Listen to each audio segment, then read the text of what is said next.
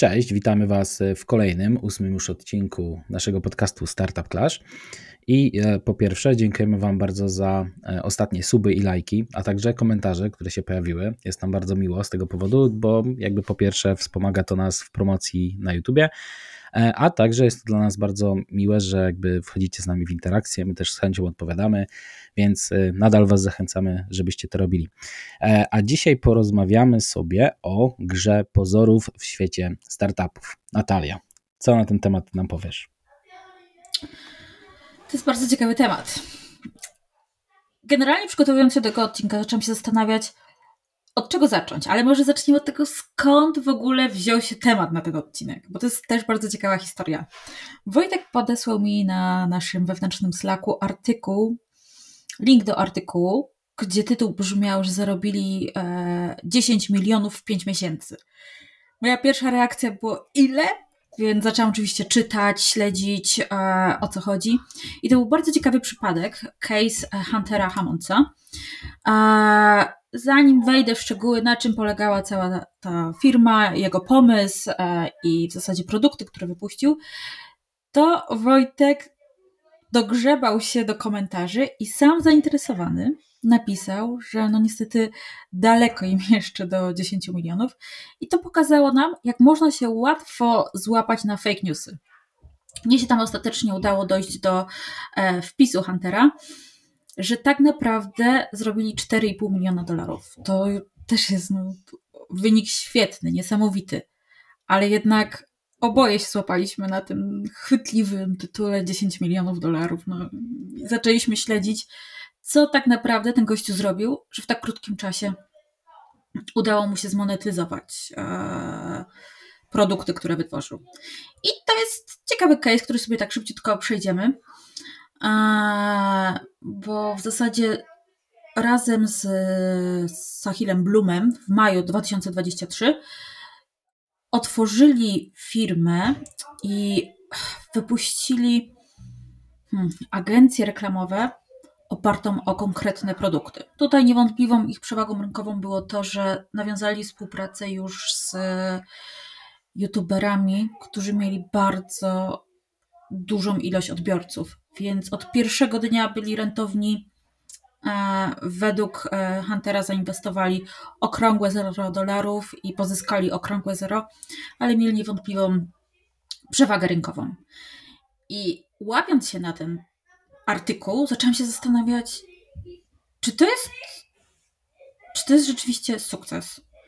Bo jakby w naszym współczesnym świecie wszyscy, którzy osiągnęli jakąś niezależność finansową, niesamowity wynik, wynik finansowy, czy chociażby pozyskali właśnie finansowanie e, z rynku VC, jest to przedstawiane i sprzedawane nam jako sukces. Co myślisz o tym, Wojtek? Zgadzasz się z tym podejściem, z taką wizją? Znaczy tak, ja zrobiłem e, mały eksperyment u siebie na Instagramie, to znaczy wrzuciłem e, screen, e, w którym były widoczne powiadomienia e, ze, ze Stripe'a. E, powiadomienia, które mówiły, że o, sprzedałeś właśnie kolejny produkt za tam 990 dolarów. No i e, dostałem dość dużo gratulacji. Jak się domyślasz, to był fake. Nie? Czyli jednak... Tak, ja się, ja się złapałem też na, na podobnych rzeczach na Twitterze swego czasu. Jak jeszcze mocniej obserwowałem to community mm, Built in Public, e, które bardzo często dzieli się swoimi wynikami finansowymi właśnie na Twitterze. I e, jakby wiesz, w pewnym momencie dociera do ciebie, że kurczę, gościu, który ma produkt, który wcale nie zachwyca, e, chwali się wzrostami miesiąc do miesiąca bardzo dużymi I wiesz, pytanie, czy to jest prawda, i wiesz, jest ciężko to zweryfikować. Ja nie mówię, że to jest nieprawda, ale też ciężko dotrzeć e, do takiego potwierdzenia, że to są prawdziwe fakty. Nie? Więc bardzo łatwo jest wpaść w taką pułapkę, i wydaje mi się, że to jest o tyle. Z jednej strony jest fajne, bo ja uważam, że powinniśmy się chwalić swoimi sukcesami. E, I wiesz, tak jak mówisz, czy powinniśmy uważać to za sukces? Ja uważam, że tak, bo jakby każdy krok w stronę takiego, wiesz, wyznaczonego celu, to moim zdaniem jest jakiś sukces. Każdy milestone powinien być jakoś tam celebrowany i powinien być um, uważany za jakiś taki mały sukces. Natomiast y, z drugiej strony, powiedzmy, obserwatora, trzeba być na to mocno wyczulonym i mocno odpornym. To znaczy, jeżeli ma się taki mental, e, który ja miałem jakiś czas temu, że mm, w pewnym momencie mnie to zaczęło dobijać, że wiesz, wszyscy wokół sukcesy finansowania, tutaj MRR-y rosną i tak dalej, wszystko super, a mnie to dołowało, no bo ja takiego sukcesu nie miałem, nie? Zawsze, zawsze mi się wydawało, że to po prostu idzie za wolno, i w pewnym momencie się po prostu od tych newsów, od w ogóle tego obserwowania wszystkich wokół e, odciąłem, co trochę mnie odblokowało, tak mówiąc szczerze, więc jeżeli ktoś ma tak jak ja miałem, to polecam po prostu się od tego odciąć. Nie? Więc e, wszystko zależy od perspektywy i od tego, jak się na to patrzy, tak mi się wydaje, nie? że jeżeli jesteś w stanie czerpać z tego inspirację, że komuś się udaje, że, że to jest, wiesz, tutaj sukces, tam sukces i że cię to napędza, bo pokazuje tobie, że się da, to uważam, że powinniśmy się karmić takim czymś, ale jeżeli to działa w drugą stronę, czyli cię demotywuje, to uważam, że powinniśmy się jak najbardziej od tego odciąć. I to już niezależnie od tego, czy to jest prawda, e, czy to jest jakby przekłamane info. I właśnie, wspomniałeś o sukcesie finansowym, czyli podobnie e, tak jak ja, łapiesz się na tym, że jednak gdzieś ten ogłoszony sukces finansowy jest dla ciebie samą miarą sukcesu. Ja się zaczęłam zastanawiać, czy to jest rzeczywisty nie, nie, sukces, nie. czy to jest fejkowy sukces. Jak byś to Wiesz co, to, to jakby, jakby tutaj od razu zdementuję. Nie, nie o to mi chodzi. Jakby sukces dla mnie... Yy, dla każdego sukces będzie jakiś inny, nie? To znaczy każdy ma jakąś tam swoją miarę sukcesu. Dla jednych to mogą być stricte pieniądze, wyniki finansowe i tak dalej. E, natomiast wiesz, dla niektórych osób samym sukcesem może być to, że udało im się wyrwać jakby z tego słynnego wyścigu szczurów i po prostu mogą pracować na własnych zasadach, tworząc własne projekty, wiesz, i robić to, co chcą, nie? To też dla nich może być pewnego rodzaju sukces i tutaj jakby tego nie można im odbierać, nie? E, wszystko, wiesz, zależy od perspektywy. Natomiast no, wydaje mi się, że jeżeli chodzi o same finanse, no to mm, wiesz, to trzeba też rozpatrywać w różnych, na różnych poziomach, bo wydaje mi się, że tak. Czy przychód jest sukcesem?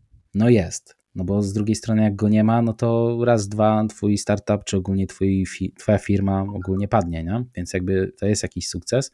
E, czy sukcesem jest to, że nie wiem, zatrudniłaś super osobę do zespołu? Też jest sukcesem, nie? Szczególnie, że bardzo ciężko jest znaleźć dobre osoby do, do współpracy. Więc wiesz, no, każdy ma jakąś tam swoją miarę sukcesu i wydaje mi się, że to jest na tyle subiektywne, że, że chyba nie warto tego oceniać. To też jest dobra uwaga. I zaczęłam się zastanawiać nad tym szumnym ogłaszaniem w mediach społecznościowych, a różnych artykułach pozyskanego finansowania. Tak, I tak. od razu muszę wspomnieć, że moja perspektywa na przestrzeni lat zmieniła się. Teraz Moja mam tylko inne podejście. Czy to jest sukces? Nie uważam, że to powinno być ogłaszane jako sukces. Uważam, że tak naprawdę to jest, to pokazuje, że ktoś uwierzył w przyszłość firmy czy produktu. Ale czy to powinno. W pomysł. w pomysł, dokładnie. Ale czy to powinno być tak szumnie ogłaszane? Obecnie uważam, że nie. To nie to ja, cię to ja cię zaskoczę, to ja cię zaskoczę, bo my już o, o tym rozmawialiśmy kilkukrotnie, jakby poza, poza podcastem. Ja zawsze wychodziłem z tej samej, z tego samego założenia, co ty teraz, nie? Natomiast trochę mi się to zmieniło. To znaczy, mm, zmieniłem trochę perspektywę patrzenia na to wszystko, nie? To znaczy, mhm. e, samo w sobie pozyskanie finansowania czy jest sukcesem? No, no jest, bo nie jest to proste, sama przyznasz. Wiesz, ile trudu to od was wymagało, żeby, tak. żeby pozyskać finansowanie, nie? Więc wiesz, ile to mamy odczekowane. Tak, tak, wiesz, no wymaga mega, mega dużo pracy, tak? Więc jakby to jest jakiś sukces, jeżeli ci się uda. Teraz pytanie, czy to jest sukces, który warto ogłaszać? E, dla mnie zawsze to było chwalenie się dużą pożyczką, nie? Na duży procent. Ale zmieniłem perspektywę i patrzenie na to wszystko przez pryzmat jakby tego, jaka jest rola Fandera w tym wszystkim.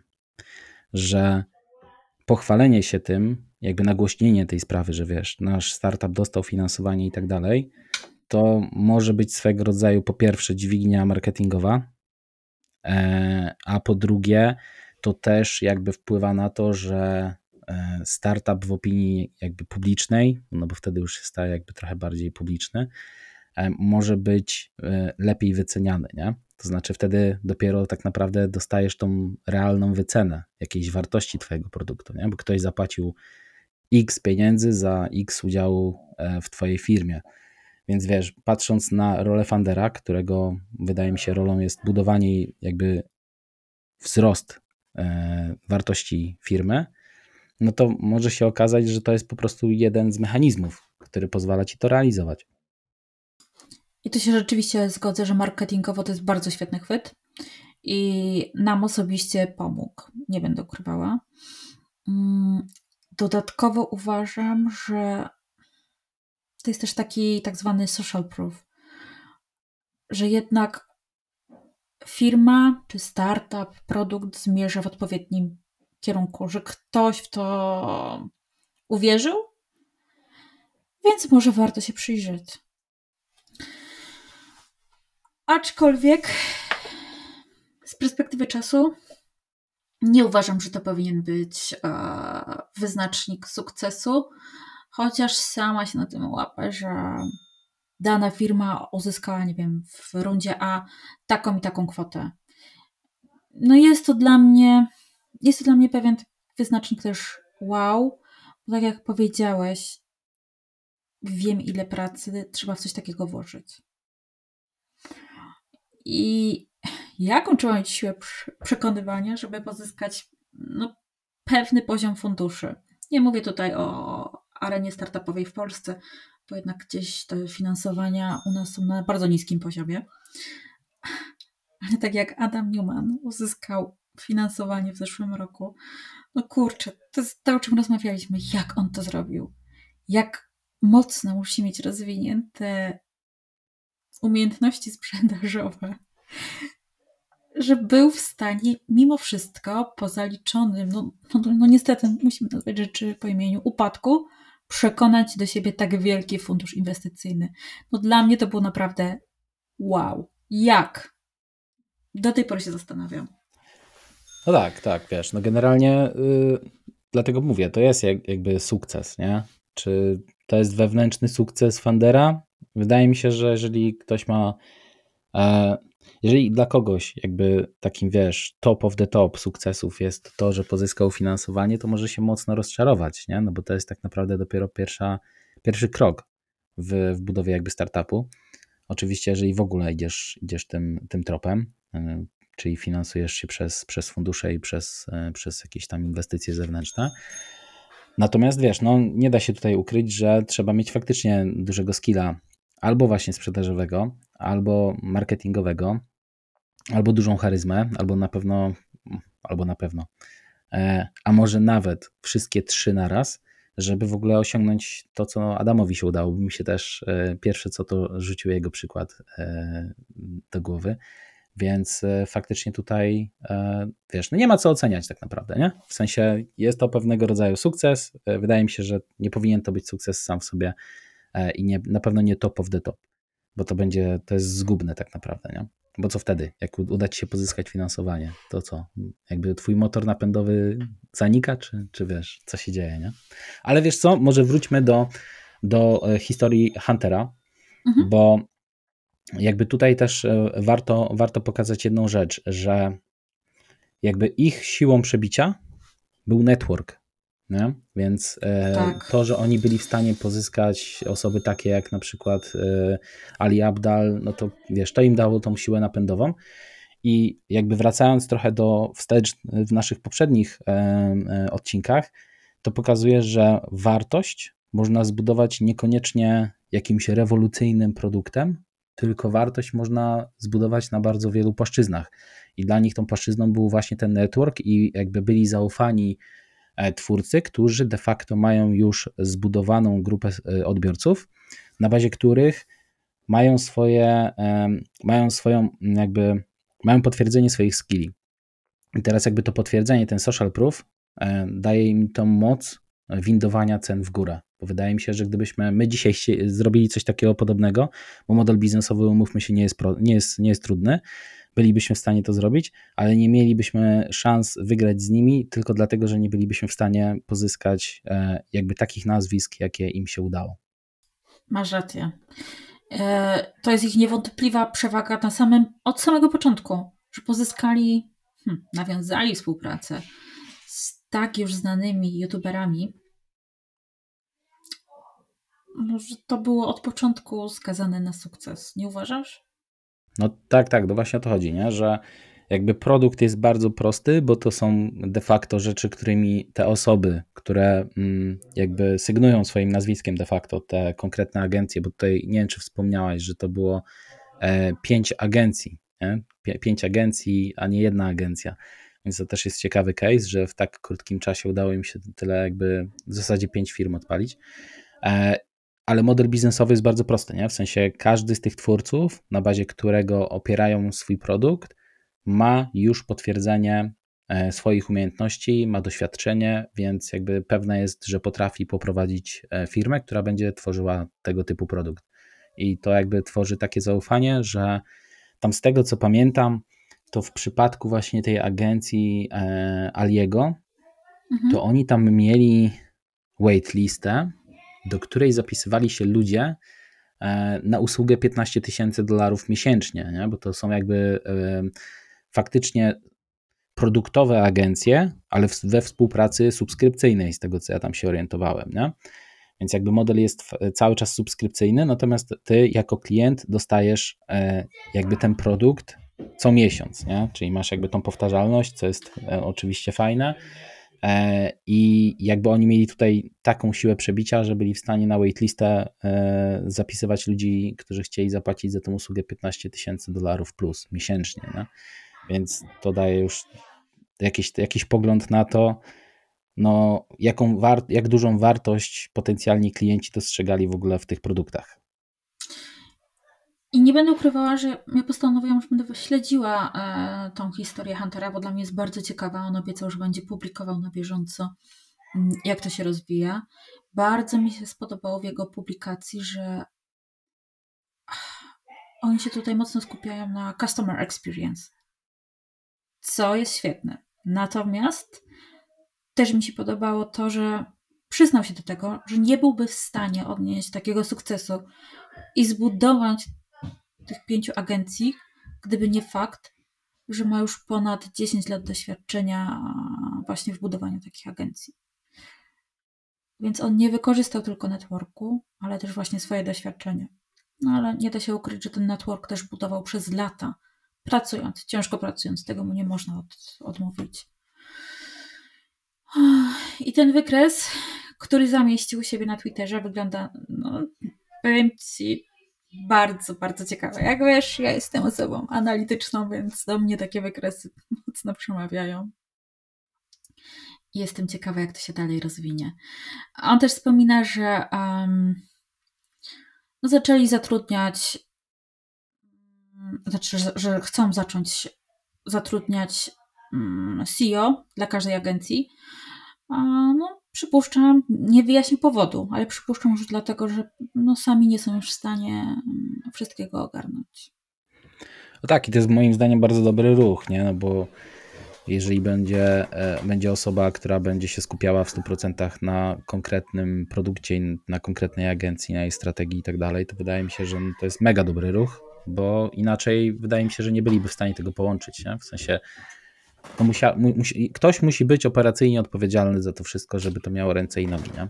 Więc e, wydaje mi się, że super tutaj, że to tak rozdzielają. Też jestem ciekawy, też będę jakby po pierwsze trzymał kciuki, po drugie, e, po drugie też obserwował. E, szczególnie, że jakby też lubię treści, które robi Ali, więc e, mhm. przy okazji też polecam, jeżeli ktoś nie, e, nie oglądał, to Ali Abdal na YouTubie mega, mega fajny gościu od produktywności i różnych tego typu rzeczy. E, I też swego rodzaju e, fajne treści pod kątem jakości wykonania, nie? montażu i tak dalej, co też jakby no, samo przez się się rozumie, że mogli taką agencję odnośnie montażu e, jakby wypuścić razem z nim, nie?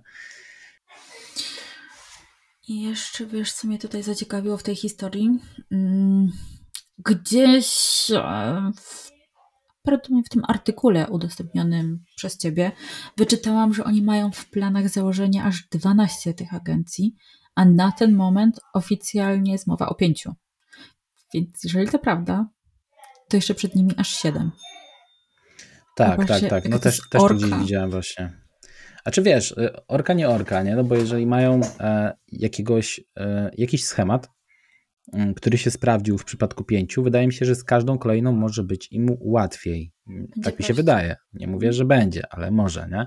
Bo to tak samo jakbyś, wiesz, otworzyła jedną e, budkę z, z kebabem, a później chciała otworzyć drugą. No to jest ci zdecydowanie łatwiej niż osobie, która nigdy nie prowadziła żadnego biznesu, nie?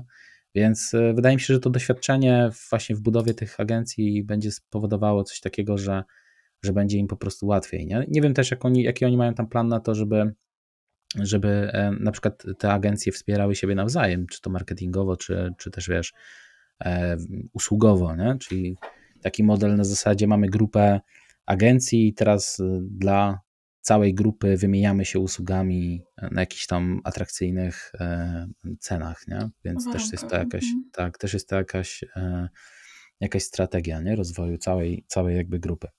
A powiedz mi, ja mam jeszcze tutaj zanotowany jeden temat, który chciałem mhm. poruszyć mhm. dzisiaj, czyli takie podejście fake it till you make it, nie? E, nie pamiętam, czy już o tym rozmawialiśmy, natomiast zacząłem się zastanawiać właśnie przy okazji tych screenów, które robiłem gdzieś tam na, na potrzeby tego eksperymentu.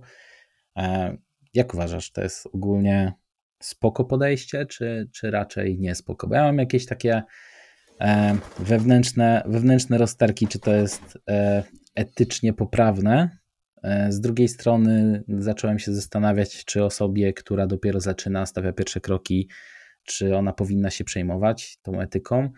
No bo wiesz, z jednej strony wydaje mi się, że to jest takie nabieranie ludzi, e, z drugiej strony, skoro to działa i pozwala tobie do, docierać do coraz większej ilości ludzi, to jest to pewnego rodzaju growth hack, który może spowodować, że dotrzesz ze swoim produktem e, do odpowiedniej ilości osób, które de facto po przetestowaniu e, Twojego produktu dojdą do wniosku, że on jest super i nawet za niego zapłacą. Nie? Więc jakby pytanie, jakie ty masz na ten temat zdanie. Czy wiesz? Przy okazji, e, nie wiem czy pamiętasz, ale przy okazji historii o Elizabeth wspominaliśmy o tym patologicznym jej fake it till you make it. To bez dwóch zdań było patologiczne. E, I potem miałam bardzo właśnie dużo przemyśleń. Czy, czy to jest etyczne? Hmm. Osobiście uważam, że nie. Ale wtedy wzbudzasz um, w swoich potencjalnych odbiorcach taki trochę efekt FOMO, nie sądzisz? Że no tak. skoro inne osoby już z tego korzystają, ja jeszcze nie, gdzieś jestem w tyle, może jednak warto się przyjrzeć, może warto zobaczyć, na czym polega ten produkt, może warto zobaczyć, dlaczego, no dlaczego ta sprzedaż tak, na przykład z Zenkalu, no idzie. Nie uważasz? Tak to może działać? No, wydaje mi się, że tak, tylko wiesz, są różne podejścia, nie? Bo z jednej strony, e, tak na przykładzie Zenkala, ja mógłbym powiedzieć, e, że nie wiem, zarobiliśmy 5 milionów dla, dla naszych użytkowników. No, ale jakby mhm. nie powiedziałem tego, bo to nie jest prawda. Zarobiliśmy pół miliona, nie? Co też jest e, moim zdaniem fajnym wynikiem, ale byłem e, daleki od tego, żeby przekłamywać tą wartość. W sensie. Mm, no nie uważam, że to jest dobra droga po prostu. E, z drugiej strony ja jestem w stanie zrozumieć osoby, które e, gdzieś to robią, no bo w pewnym sensie no, to jest jakiś cel, znaczy środek do celu, nie? Więc e, mówię, nie chciałbym tutaj nikogo oceniać, natomiast zacząłem się zastanawiać, czy, czy jakby takie podejście ma usprawiedliwienie w kontekście powiedzmy osób, które dopiero gdzieś zaczynają, no bo nie da się ukryć, że to działa, nie? I to też można na przykład zaobserwować ten efekt FOMO, o którym wspomniałaś, e, mm, w przypadku sprzedaży kursów. To, to Właśnie o tym miałam powiedzieć, dokładnie. To jest, to jest idealny przypadek, e, przykład tego, tak, tak, jak wchodzi tak. FOMO. Znaczy, ja ci powiem tak, ja się na to nie nabrałem ani razu, ale patrząc po, po wynikach w ogóle sprzedaży niektórych osób i na, wiesz, na jakość wykonania tych kursów, mm, no to, to nie wiem. Ja, ja, ja generalnie nigdy bym tego nie zrobił chyba. E, jakoś nie mam takiego, takiego poczucia, że to, to mi jest naprawdę tak mocno potrzebne, żebym musiał się, e, wiesz, zniżać aż do takich e, zagrywek, nie? Typu robimy otwarcie na, na weekend, nie? Sprzedaży i zamykamy za chwilę, nie? Że tam, nie wiem, a no nawet nie chce mi się, wiesz, jakoś tutaj podawać przykładów, żeby ktoś się za mocno nie zainspirował, ale no ja jednak, jednak tutaj no nie jestem fanem takiego podejścia. Ładnie to dyplomatycznie ująłeś. Ja się na to złapałam, przyznaję się, ale szczerze ci powiem, że jak zaczęłam przerabiać kurs i potem widziałam, co dany twórca wrzucał na swoje sociale i jakby właśnie takie komentarze, oczywiście zasłonięte od kogo, jaką wartość nosi ten kurs, to dla mnie było takie, co? Naprawdę? No I właśnie, zaczęłam się właśnie. zastanawiać, czy te osoby w ogóle, w ogóle miały styczność z jakimiś naprawdę wartościowymi materiałami. To jest raz, ale dwa, to też można sobie zadać inne pytanie. Czy do zrobienia takich komentarzy nie, został, e, nie została użyta po prostu jakaś aplikacja do generowania komentarzy, wiesz, screenów, nie? Z komentarzami. Bo to z właśnie o to chodzi. czasu że... myślę, że to było fejkowe. No właśnie. Bo naprawdę. To jest właśnie to, że nigdy nie wiesz. I, I z jednej strony, ja na przykład wiesz, bo żeby to też e, wybrzmiało, ja nic nie mam przeciwko temu, że ktoś robi zapisy na kurs do konkretnej daty i zamyka zapisy, bo się skupia potem na e, jakby obsłudze tej grupy, która się zebrała, bo to jest jakby mhm. super podejście, nie? że jakby skupiasz się na tych swoich odbiorcach i tak dalej. Natomiast bardziej mi chodzi o takie podejście, że teraz ci powiem, że za chwilę zamykam, ale dla tych, co się nie zapisali, a mam, ich na liście mailingowej, to jakby po zamknięciu wyślę im jeszcze dwa tygodnie później jakąś super ekstra dodatkową promocję, bo może się jeszcze skuszą. Nie? I wiesz, i ci, co kupili no, na normalnych zapisach, tak naprawdę e, więcej stracili niż, e, niż jakby się nie zapisali wcale. Nie? No więc tak mówię, trzeba do tego podchodzić chyba zgodnie z własnym sumieniem. Nie? To jest bardzo dobre podsumowanie tego odcinka.